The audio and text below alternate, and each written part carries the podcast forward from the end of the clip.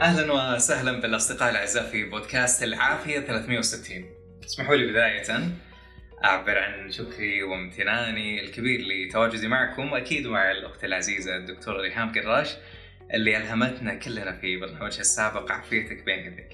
جاء البرنامج كامتداد لهذه الرحلة رحلة العافية اللي طبعا بديتيها دكتور ريهام واللي كلنا أكيد نتشاركها آه، ونسعى نعيشها اليوم وكل يوم. الله يحييك دكتور. الله يسعدك كوتش عبد العزيز وشكرا يعني ممتنة يعني فعلا أنقذت أنت البودكاست ورجعته للحياة لأنه لفترة حسيت إني وحيدة وأنا أقدم البودكاست القديم ولما التقيت فيك وشفت اهتمامك في العافيه تحمست مرة إني أرجع لعالم البودكاست وإنه إحنا نرجع نطلق حاجة مع بعض إن شاء الله ونوصل أصواتنا للناس وننشر إن شاء الله رسالة العافية سوا. رسالة العافية صراحة رسالة يمكن المجتمع كله جائع إلى هالرسالة، الرسالة أحيانا يعني تلامس أنفسنا في العمق. آه لكن خلينا في البداية ندردش على حكاية العافية. آه هل إحنا فعلا ناس نحتاج إنه نتصلح يعني بالإنجليزي إيش كيف يقولون؟ Do we need to be fixed? Do we need to be fixed? Do we need to be fixed? إيش رأيك في, في فكرة إنه كثير من الناس يفكرون إنه يقول لك في حبة لكل علة حبة مم. حبة دواء يعني مم. أو بالإنجليزي يقولونها يعني there is always pill for every ill. آه وش المشكلة في الموضوع؟ هذا أكبر تحدي فعلا وسؤال كلنا نواجهه لأنه في الأخير نرجع نسأل نفس السؤال هل العافية في حبة دواء؟ حبة الدواء بالعادة لما نفكر فيها هي تصلح علة ولكن العافية ليست علة وليست شيء إحنا نقدر نصلح شيء عشان تظهر العافية. فسبحان الله كأنه إحنا نقول العافية هي مو غياب المرض. فلما ناخذ حبة تصلح مشكلة صحية فإحنا ما وصلنا للعافية ابدا. لأنه تعريف العافية هو إنه هي ليست غياب المرض وإنما هي حالة الانسجام مع الذات حالة الانسجام مع الحياة. إن الإنسان يوصل لأفضل حالاته روحيا جسديا نفسيا ويكون متناغم مع نفسه مع هذه الحياة ويوصل كذا الفولست بوتنشل عنده في جميع آه، أنحاء حياته. آه، يكون دائما في رحلة سعي مستمرة إنه هو يكون أفضل أفضل نسخة من نفسه. يكون ماشي دائما في الرحلة رحلة تطوير العادات رحلة السعي لتحسين حياته وجودة حياته. فلما نتكلم على do I need to be fixed إحنا نتكلم غالبا على عرض أو مشكلة صحية نبغى لها حبة عشان تصلح الإنسان. بس العافية مستحيل نوصل لها من خلال حبه دواء امم العافية كأنها رحلة أكثر يمكن في الحياة. ما هي بمجرد إنها فيكس مي في مشكلة وتحتاج إن الشخص يصلحها. يمكن إحنا ريهام من التحديات الكبيرة عندنا في الحياة إنه تعودنا إنه أو خلينا نقول شريحة من الناس تعودوا إنهم دائما يحطون زي الماسكات على الوجه زي البوكر فيس آه القناع على الوجه. حتى مع الحياة ومع الاحتكاك مع الناس صرنا بشكل لا واعي. دائما نغطي شخصيتنا لدرجة إنه وصلنا حتى لما نتعامل مع الأعراض اللي تجي لجسمنا ما نسمح للجسم إنه ياخذ فرصة للتشافي. مجرد إنها حصلت المشكلة. وين المشكلة؟ لازم نحلها الآن لازم نحلها بشكل سريع. آه ما في فكرة إنه الجسم يحتاج أحيانا break لحظة توقف. step back راقب المشهد ككل. أحيانا الجسم قادر انه إنه يشافي نفسه بنفسه. لكن إحنا دائما عندنا أحيانا هالعجلة. آه كيف كيف ممكن برايك إنه نتعامل مع مع هالموضوع؟ يس وهذه نقطة مرة مهمة عبد العزيز لأنه لما نجي نتكلم يعني نرجع لنفس السؤال طيب إيش العافية وإيش غياب المرض؟ سبحان الله إحنا دائما متعودين على المرض اللي هو مفهوم الصحة والعافية. الصحة هو غياب المرض لكن العافية هي أشمل وحاجة لها علاقة بجودة الحياة. فسبحان الله لما نجي نطالع في الحلول السريعة فإحنا دائما مبني تفكيرنا على الطب الحديث. الطب الحديث لما نتطور طور أيام الحرب العالمية الثانية. طور عشان ينقذ الناس من النزيف من اللي كانوا راجعين من الحرب كانوا يحتاجون عمليات من ال infections أو الأمراض المعدية. فكلها أمور حادة. الأمراض الحادة وال acute issues أو ال acute illness كلها تحتاج حبة دواء أو عملية جراحية. فنحتاج حلول سريعة لأنها كلها survival كلها حالة نجاة يعني يا موت يا حياة. فهذه ال mentality مرة مهمة وكويسة عشان ننقذ حياة البشر. صح. لكن في الأخير ترى هذا يجي 10 20% من الأسباب اللي تخلي الناس أصلا يروحوا المستشفى. أغلب الناس يبحثون عن شيء غير العشرة عشرين بالمية هذه يبحثون عن شيء أشمل عن شيء أكبر. يبحثون عن العافية يبحثون عن ذواتهم يبحثون عن حلول. فعلا هي مو موجودة على السطح ما تقدر تغلفها بحل سريع أو ماسك بسرعة تلبسه عشان الموضوع ينتهي. الحلول هذه كلها موجودة في الجذور. ولما نتكلم عن الجذور إحنا نتكلم عن العافية لأنه العافية توجد في الجذور. جذور المرض ليش ظهر؟ خلينا نبحث في الجذور النفسية الجسدية للموضوع جذور جودة حياتنا اللي موجودة في عاداتنا اليومية. جذور راحة بالنا اللي موجودة في تناغمنا مع رسالة الروح اللي موجودة فينا. فلما نبحث في الجذور إحنا نكون أقرب ما نكون في رحلتنا للعافية. لما نبغى حلول سريعة فإحنا ماشيين على نفس ال mindset أو ال mentality حقت ال acute medicine اللي هو fix me now بس do we actually need to be fixed حقيقي هل إحنا نحتاج أحد يصلحنا؟ ولا إحنا نحتاج ناخذ زي ما تفضلت لحظة وقت إنه إحنا نوقف ونسمع لحكمة الجسم. الآن لما تواجهنا مشكلة هل إحنا نحتاج دحين حل سريع فعلا؟ إذا ما وجدنا حل هل بنموت؟ خلاص هل تنتهي حياتنا؟ إذا إيه يروح لاقي حل سريع. إحنا نحتاج هذا الحل. بس إذا لا وأغلب الأحيان 80% لا ما راح يحصل شيء لو انتظرنا. فإحنا نحتاج الباز نحتاج الوقفة عشان نسمع الجسم إيش عنده يقول. هذا هذا العرض إيش يبغى يوصل لي رسالة؟ الحالة النفسية اللي أنا فيها إيش رسالتها؟ إيش رسالة الشعور؟ إيش رسالة كل شيء قاعد يحصل لي في حياتي الآن؟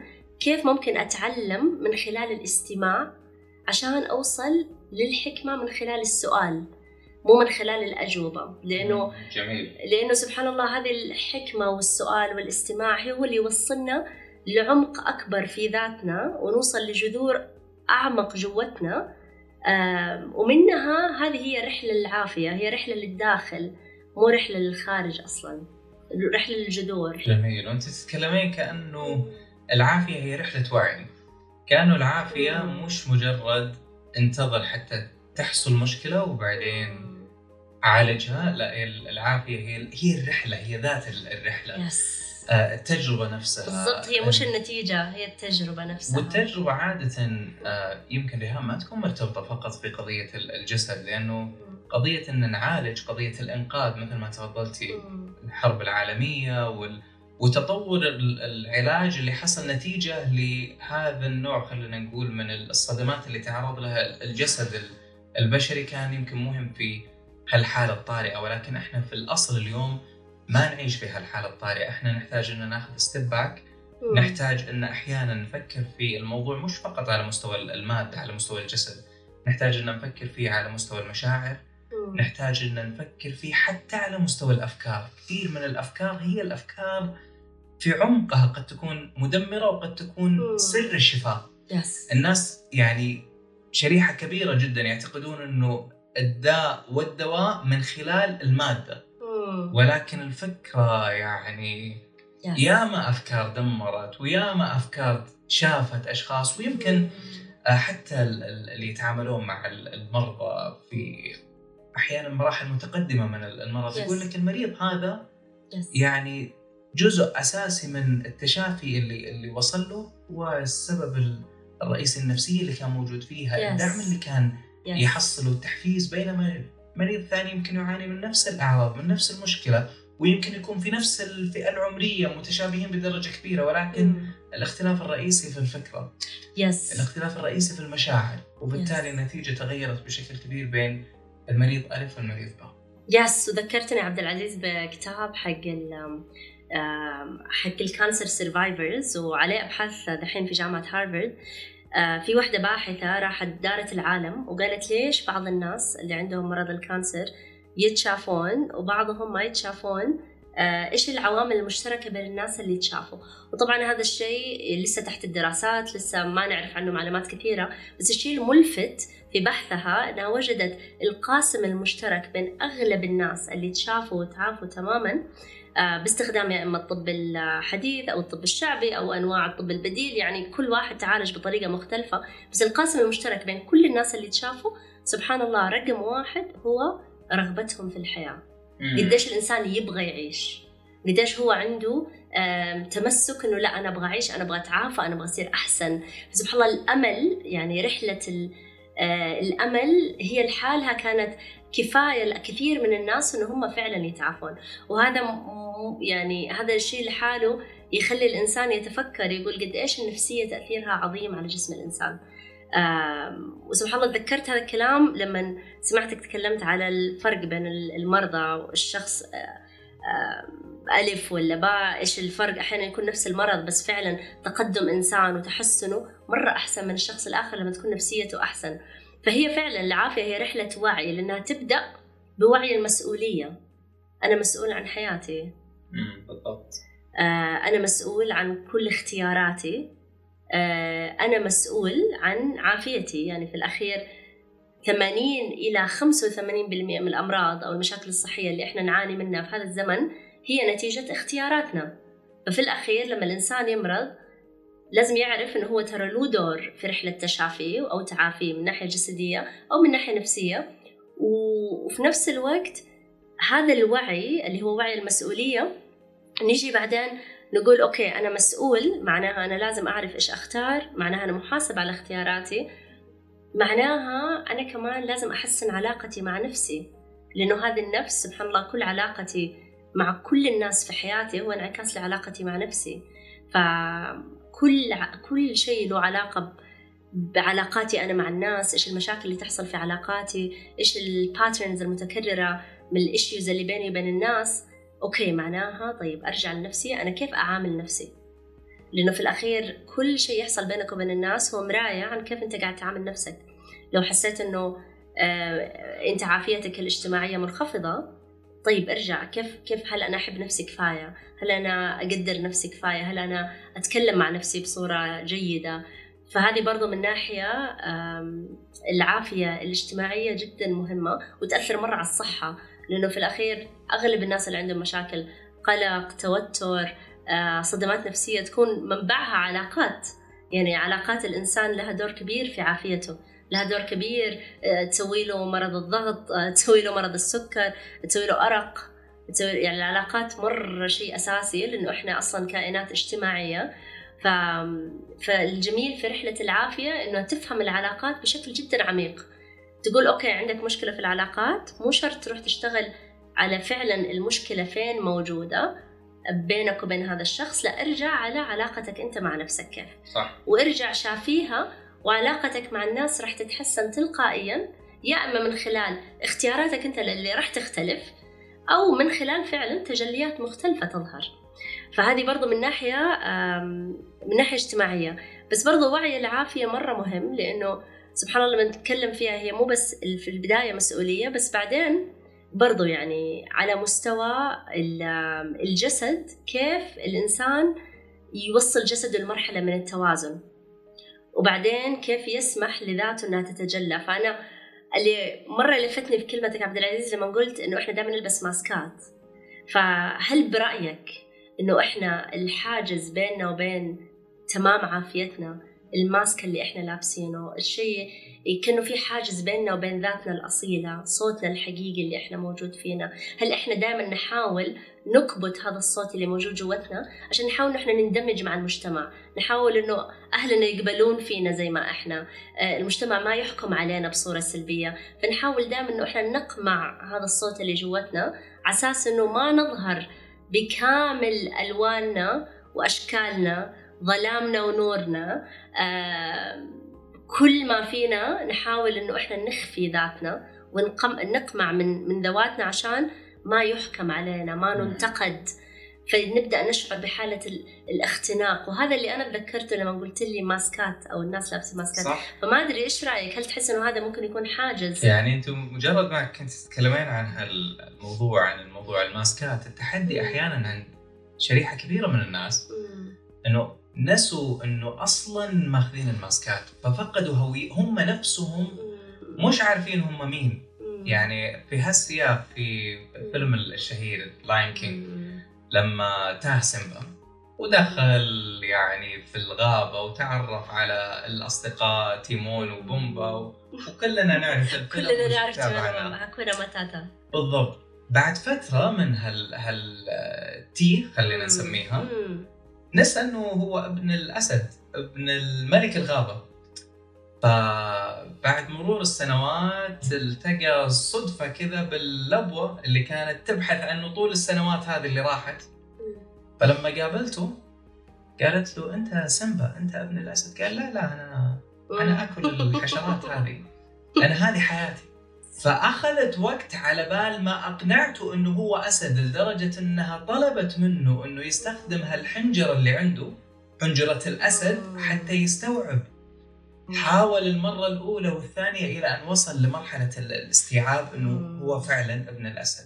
الله. هو الشخص اللي يعني ملك هذه الغابة. يا الله. التحدي عندنا اليوم عند شريحة كبيرة من الناس أم إنه الفكرة هذه غايبة عن عن ذهنهم Yes. إنه القوة الحقيقية إنك مثل ما إنه إحنا سواء بشكل واعي. ولا بشكل غير واعي حطينا هالماسكات أحيانا مش فقط إحنا اللي نحط الماسكات أحيانا ضغط المجتمع أحيانا البرمجة أحيانا الوعي الجمعي أحيانا ال- البيئة ايا كان إحنا. اليوم ما حنتكلم إيش الأسباب اللي خلتنا بشكل أو بآخر نتقبل هالماسكات مم. اليوم إحنا المفروض ان نوصل إلى مرحلة نقول اللي حصل حصل مم. إحنا اليوم عيال اليوم مم. حنحاول إنه فعلا نتصل بذواتنا. نحاول إنه نتعرف على ذواتنا أكثر.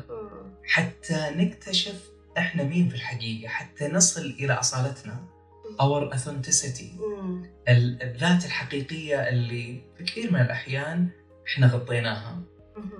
لما نوصل للذات الحقيقية تبدأ تتجلى لنا أمور كثيرة هي رحلة طويلة لأنه الرحلة هذه جزء منها أحيانا آه، حتتجلى بعض المشاعر اللي طبيعي جدا أنه يكون معها خوف. يكون معها قلق يكون معها توتر. لكن إحنا مهم إن نكون واعيين بهالرحله لأنه مجرد بإنه إحنا نقول كلمتك اللي قبل شوي قلتيها يعني ريهام كلمة عميقة وقوية إنه مسؤولية.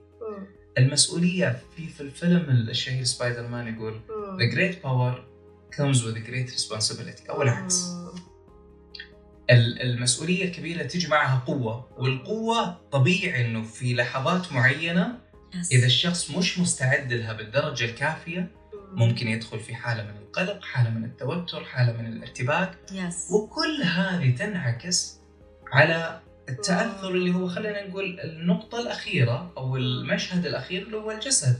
يس ارتباك المشاعر ارتباك الأفكار كلها في النهاية حتنعكس على جسدنا بطريقة أو بأخرى. يس لذلك مهم إنه إحنا برضو نكون متحضرين ذهنيا. ومتحضرين مشاعريا لهالرحلة بحيث إنه إذا تجلى شيء في الجسد نقول لا حتى وإن كان الخطأ حيحصل. وفي النهاية حتى سنة الحياة كذا. إحنا حن حنظل نقع في الأخطاء اللي ممكن في فترة معينة إنها تأثر على صحتنا بشكل أو بآخر. مم. ممكن إنه يتجلى ضعف في جانب معين من الجسد ولكن. مهم دائما نقول إحنا مسؤولين. yes نتحمل المسؤولية لأن مجرد تحمل المسؤولية هو نقطة التغيير. yes هو الانطلاقه الحقيقية هو اللي بتحولنا من إنه نفكر في الشماعة الخارجية مم. إنه والله اليوم فلان من الناس مرض بسبب مشكلة في الجو yes بسبب تقلب الأجواء كل هذه العوامل صحيح موجودة صح. ولكن إذا الجسد كان عبارة عن جسد مبني من زجاج. فتوقع إنه أي خلينا نشبهها بالبيوت القديمة إحنا لما. يعني كانت ال- البيوت في فترة معينة كانت مبنية من الطين كانوا يعانون إنه مجرد ينزل مطر ممكن لا قدر الله البيت لا قدر الله البيت كله صح يعني ينهار بسبب Yes. هذا المطر ولكن إذا كان البيت قوي ومبني من الطوب مثلا ولا مبني من مواد أكثر صلابة من من الطين فراح يتحمل. فالمطر ليس هو المشكلة المشكلة في البناء. مشكلتنا في بناء أجسادنا والبناء أجسادنا هي انعكاس لبنائنا حتى على المستوى المشاعري حتى على مستوى الافكار مهم جدا نكون واعيين بأفكارنا بمشاعرنا بردود أفعالنا تجاه المواقف الخارجية لأنها كلها في النهاية حتنعكس على الجسد الجسد مجرد إنه المرآة الأخيرة yes الحبة هذه اللي تفضلتي فيها في البداية we need to be fixed مم. هي حتعدل لنا هي عبارة عن الميك اب صح؟ أحيانا ممكن نحط ميك اب في الوجه اللي يغطي ال ال مثلا الحبة ال- اللي ظاهرة في, ال- في الوجه ولكن مم. في النهاية الحبة باقي موجودة مهم. هي أخفتها مم. لفترة معينة مم. حد تمشي في المناسبة الفلانية ما حد حينتبه لها. yes لكن في النهاية Yes. حتظهر إذا ما عالجناها من العمق والعمق دائما من من الذات. yes yes مرة I agree وسبحان الله التشبيه الثاني اللي جاء على بالي كأنه في في مكتبي في زي الزرعة آه، الزرعة هذه سبحان الله دائما أطالع فيها وفي دائما ورق أصفر يطلع. مم. فأتخيل أقول سبحان الله أكيد يعني كل مرة تطلع ورقة صفراء نقصها. بس أقول سبحان الله أتخيل لو في فيروس أو في مشكلة في التراب كل شوية واحدة ورقة من في النبتة راح يموت وكل مرة راح أقص وكأني قاعدة أعالج ال ال ال ال ال الأعراض مو قاعدة أعالج الجذر مو قاعدة أعالج التراب ونفس الشيء جسم الإنسان. يعني ممكن الإنسان يعني إحنا مو ضد إنه الإنسان ياخذ ميك اب إذا احتاج الموضوع أو ياخذ حبة إذا احتاج الموضوع لكن في نفس الوقت ترى هذا مو كفاية لأنه هذا مجرد يعالج عرض ولو العرض هذا انت عالجته آه، بصورة سطحية وما تعمقت في الجذور راح يطلع بصورة أخرى كعرض آخر وراح يدخل الإنسان في دائرة الأعراض اللي ورا بعض بدون ما يكون عارف إيش جذرها فما تعالج من الجذور فبذلك تستمر. الآن في نظرة ثانية سبحان الله مرة مهمة لموضوع آه، الجسد. يعني ذكرت موضوع اللي هو ال- الأمراض الموسمية وال infections هذا اللي تجي ونقول إحنا الجو في في تقلبات جو أو في مشاكل في الجو. yes ال- الجو أكيد له دور لكن في نفس الوقت الإنسان ما يصيبه شيء إلا انعكاس لشيء. يعني كل شيء رسالة كل شيء رسالة. ما في شيء في الحياة ما له معنى. ما في شيء ما له معنى. الدور علينا إنه إحنا نمشي ونقول هي كذا صارت أو إنه إحنا نقول خلينا نبحث في المعنى ليش؟ لأنه بمجرد ما إحنا قررنا صار عندنا وعي العافية نقول إحنا ماشيين في هذه الحياة عندنا وعي العافية آه معناها أي مقاومة أو أي تحدي هي مجرد دورها إنها تخلينا ننمو فدحين ما في شيء جاء في الحياة أو أي تحدي يواجهنا إن كان مرض إن كان انفكشن إن كان تحدي في الشغل إن كان تحدي في العلاقات دوره إنه هو يسهم في نمونا. إذا ما حاولنا نسمع ونفهم ونبحث وحقيقي نغوص جوا نفسنا عشان بصدق نحاول نفهم إيش رسالة هذا الوضع اللي صار بكل صدق مع ذواتنا ونسأل الله عز وجل الهداية لأنه أحيانا يتوه الموضوع. مو مو سهل أحيانا. صح. واحيانا فعلا يعني أنا أشوف الاستعانة بالكوتش الاستعانة بال... بال... بالمرشد الاستعانة بالمنتور جدا مهمة عشان الإنسان يعرف يفكر التدوين الكتابة عشان الإنسان يحاول يفهم إيش رسالة هذا الموضوع. إيش رسالة هذا الموضوع؟ لما يبدأ يسمع يبدأ يفهم ويبدأ يشوف ال- الروابط بين الأمور. فيبدا يفهم هذه اللغة اللي ما هي لغة كلام هي لغة أعراض هي لغة رسائل من الكون هي رسائل سبحان الله في في الأحداث حوالين الإنسان. كلها من الله عز وجل عشان الإنسان يتعلم شيء جديد وينمو. لأنه في الأخير إحنا مو موجودين في الحياة عشان نقعد زي ما إحنا. كل شيء يسهم لنمونا. الروح فعلا يعني موجودة في هذه الدنيا تنمو باستمرار. يعني إحنا انخلقنا في الدنيا عشان ننمو.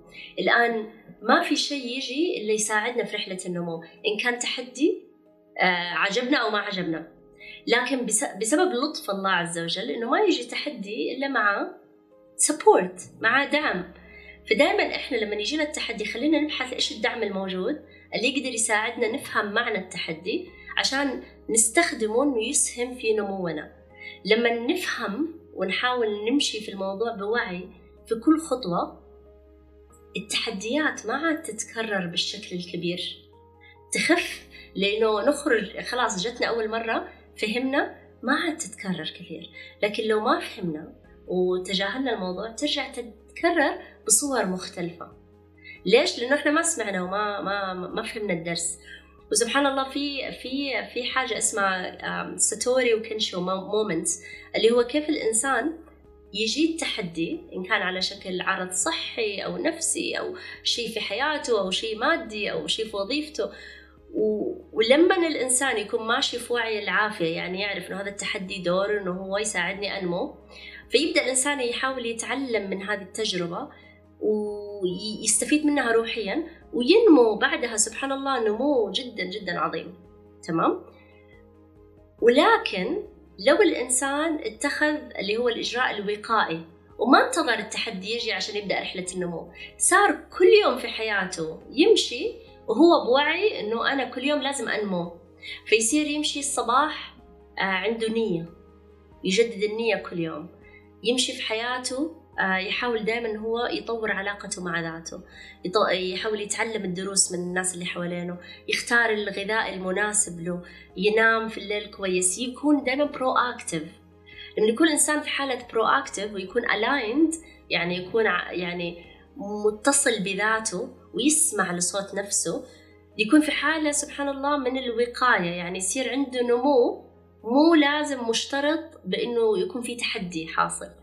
يكون في حالة نمو مستمر. وهذه الحالة الأفضل والأجمل اللي إحنا نتمناها لأنه فيها اليسر وفيها الانفتاحات وفيها آه، السهولة إن شاء الله. الآن هذه الحالة كثير تكون مرتبطة إنه الإنسان يكون يسمع صوت نفسه يعني يسمع صوت الأسد اللي جوته. لو نرجع لهاكونا ماتاتا وتيمون بومبا يعني ال ال ال الأسد ال Lion King هو لما سمع صوته وعرف إنه هو أسد هو قدر ذاته واستوعب قيمته الحقيقية. بمجرد ما الإنسان يستوعب قيمته الحقيقية فهو يكون خلاص في حالة اتصال بينه وبين نفسه ويصير عنده تقدير لقيمته ويصير عنده آه وعي إنه أنا مو لازم أصلح نفسي عشان أكون أشبه فلان ولا علان ولا أرضي آه هذه المجموعة ولا اي كان إني أنتمي لهذه المجموعة. يصير خلاص منتمي يعني لنفسه. وراضي عن نفسه وعايش الحياة مع آه مقدر لفردانيته لل uniqueness حقته. يعني هذه أنا أشوفها أسمى مراحل العافية لأنه هي فيها التجلي تجلي الذات. وهي سبحان الله يعني إحنا بدأنا كلامنا اليوم يعني بمراحل العافية اللي هو وعي المسؤولية أو تجذير الإنسان في مسؤولية ذاته اللي هو ال rooting rooting you back to your essence rooting you back to your yourself. وبعدين اللي هو rebalancing الايموشنز محاولة فهم الشعور محاولة فهم كل شيء في الحياة. سبحان الله في الأخير النتيجة إنه الإنسان يستوعب إنه أنا مو لازم أحد يصلحني. I don't need to be fixed. أنا هذه ذاتي وقاعدة تتجلى. بس في البداية زي ما تفضلت قد يكون تجليها مزعج لأنه مو سهل إنه أنت تتجلى حقيقتك بدون ما أحد يحكم عليك بدون ما أنت تحكم عن نفسك بدون ما تسوي أشياء خارجة عن المألوف خارجة عن قبول الناس.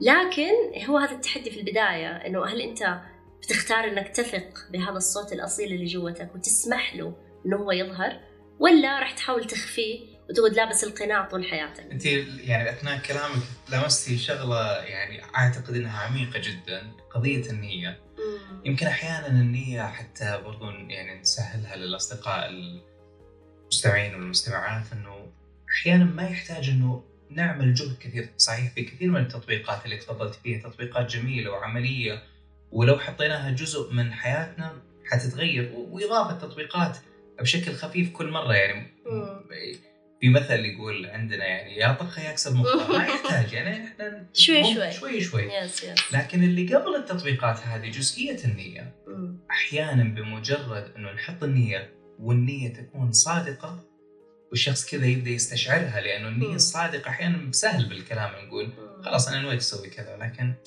سؤال هل أنت فعلا أو أنت قاعدة يعني حاسة النية هذه من جواك طالعة من العمق؟ طالعة فيها كذا الرغبة الحقيقية الصادقة مجرد أنها تصير هالرغبة الحقيقية كثير من التطبيقات. حتكون تطبيقات سهلة لأنها عبارة عن manifestation أو تجلي لنية. فما عاد حيكون فيه التعب والجهد في في عمل هالتطبيقات. فيمكن يعني إحنا على على نهاية الحلقة ففكرة النية قد أنها تكون مفتاح جيد للدخول في هالمجال مجال العافية. إذا في حاجة حتختمي فيها. yes يعطيك العافية عبد العزيز. ومرة حلو إنه إحنا نختم بالنية لأنه ممكن اليوم ندعو أحبابنا المتابعين إنه كل يوم أول ما تصحى من النوم جدد نيتك. اختار نية جديدة لنفسك وهذه النية أحرص إنها تكون طالعة من قلبك لأنه النية لما تكون طالعة من قلب آه هي فعلا لها ترددات جدا عظيمة على مدى اليوم كامل ولما الإنسان ينوي لنفسه العافية فما في شيء الإنسان ممكن يطلبه من رب العالمين أعظم من آه من هذا الشيء في حياته. يعني العفو والعافية هو من أعظم الأشياء اللي نسأل الله عز وجل ان الله يوهبنا هي في حياتنا. آه لأنه فيها السلام فيها الراحة فيها السعادة فيها المعنى. لأنه في الأخير حتى لو واجهتنا تحديات وفي لها معنى آه، كل شيء يهون. فأسأل الله العفو والعافية لنا ولكم جميعا. وإن شاء الله نيتنا آه، في هذا البودكاست تكون إنه إحنا فعلا نوسع مفهوم العافية ونحاول إنه إحنا نوصله لأكبر عدد ممكن من الناس. أساس من جد وعي العافية يكون وعي متبنى إن شاء الله بإذن الله يعني في جميع العالم العربي بإذن الله. ونقدر نسهم من خلال هذا البودكاست إنه إحنا نوصل هذه الرسالة ونوصل صوتنا لأي شخص مستعد يسمع إن شاء الله. بإذن الله تعالى. وهي فعلا يعني رحلة جميلة ورحلة يمكن ننتقل فيها من حالة البقاء يس. إلى حالة الازدهار إلى يس. حاله من التجلي. الله. فإن شاء الله كلنا يعني ننطلق في هالرحلة مع بعض وندعم بعض آه، مع الأصدقاء المتابعين والمتابعات آه، في هالرحلة المستمرة بإذن الله. يعطيك لك آه، يعطيك العافية دكتورة ريهام ويعطيكم العافية جميعا أصدقائنا المستمعين والمستمعات دائما بإذن الله نلتقي على خير. الله يحفظكم. مع السلامة. شكرا عبد العزيز.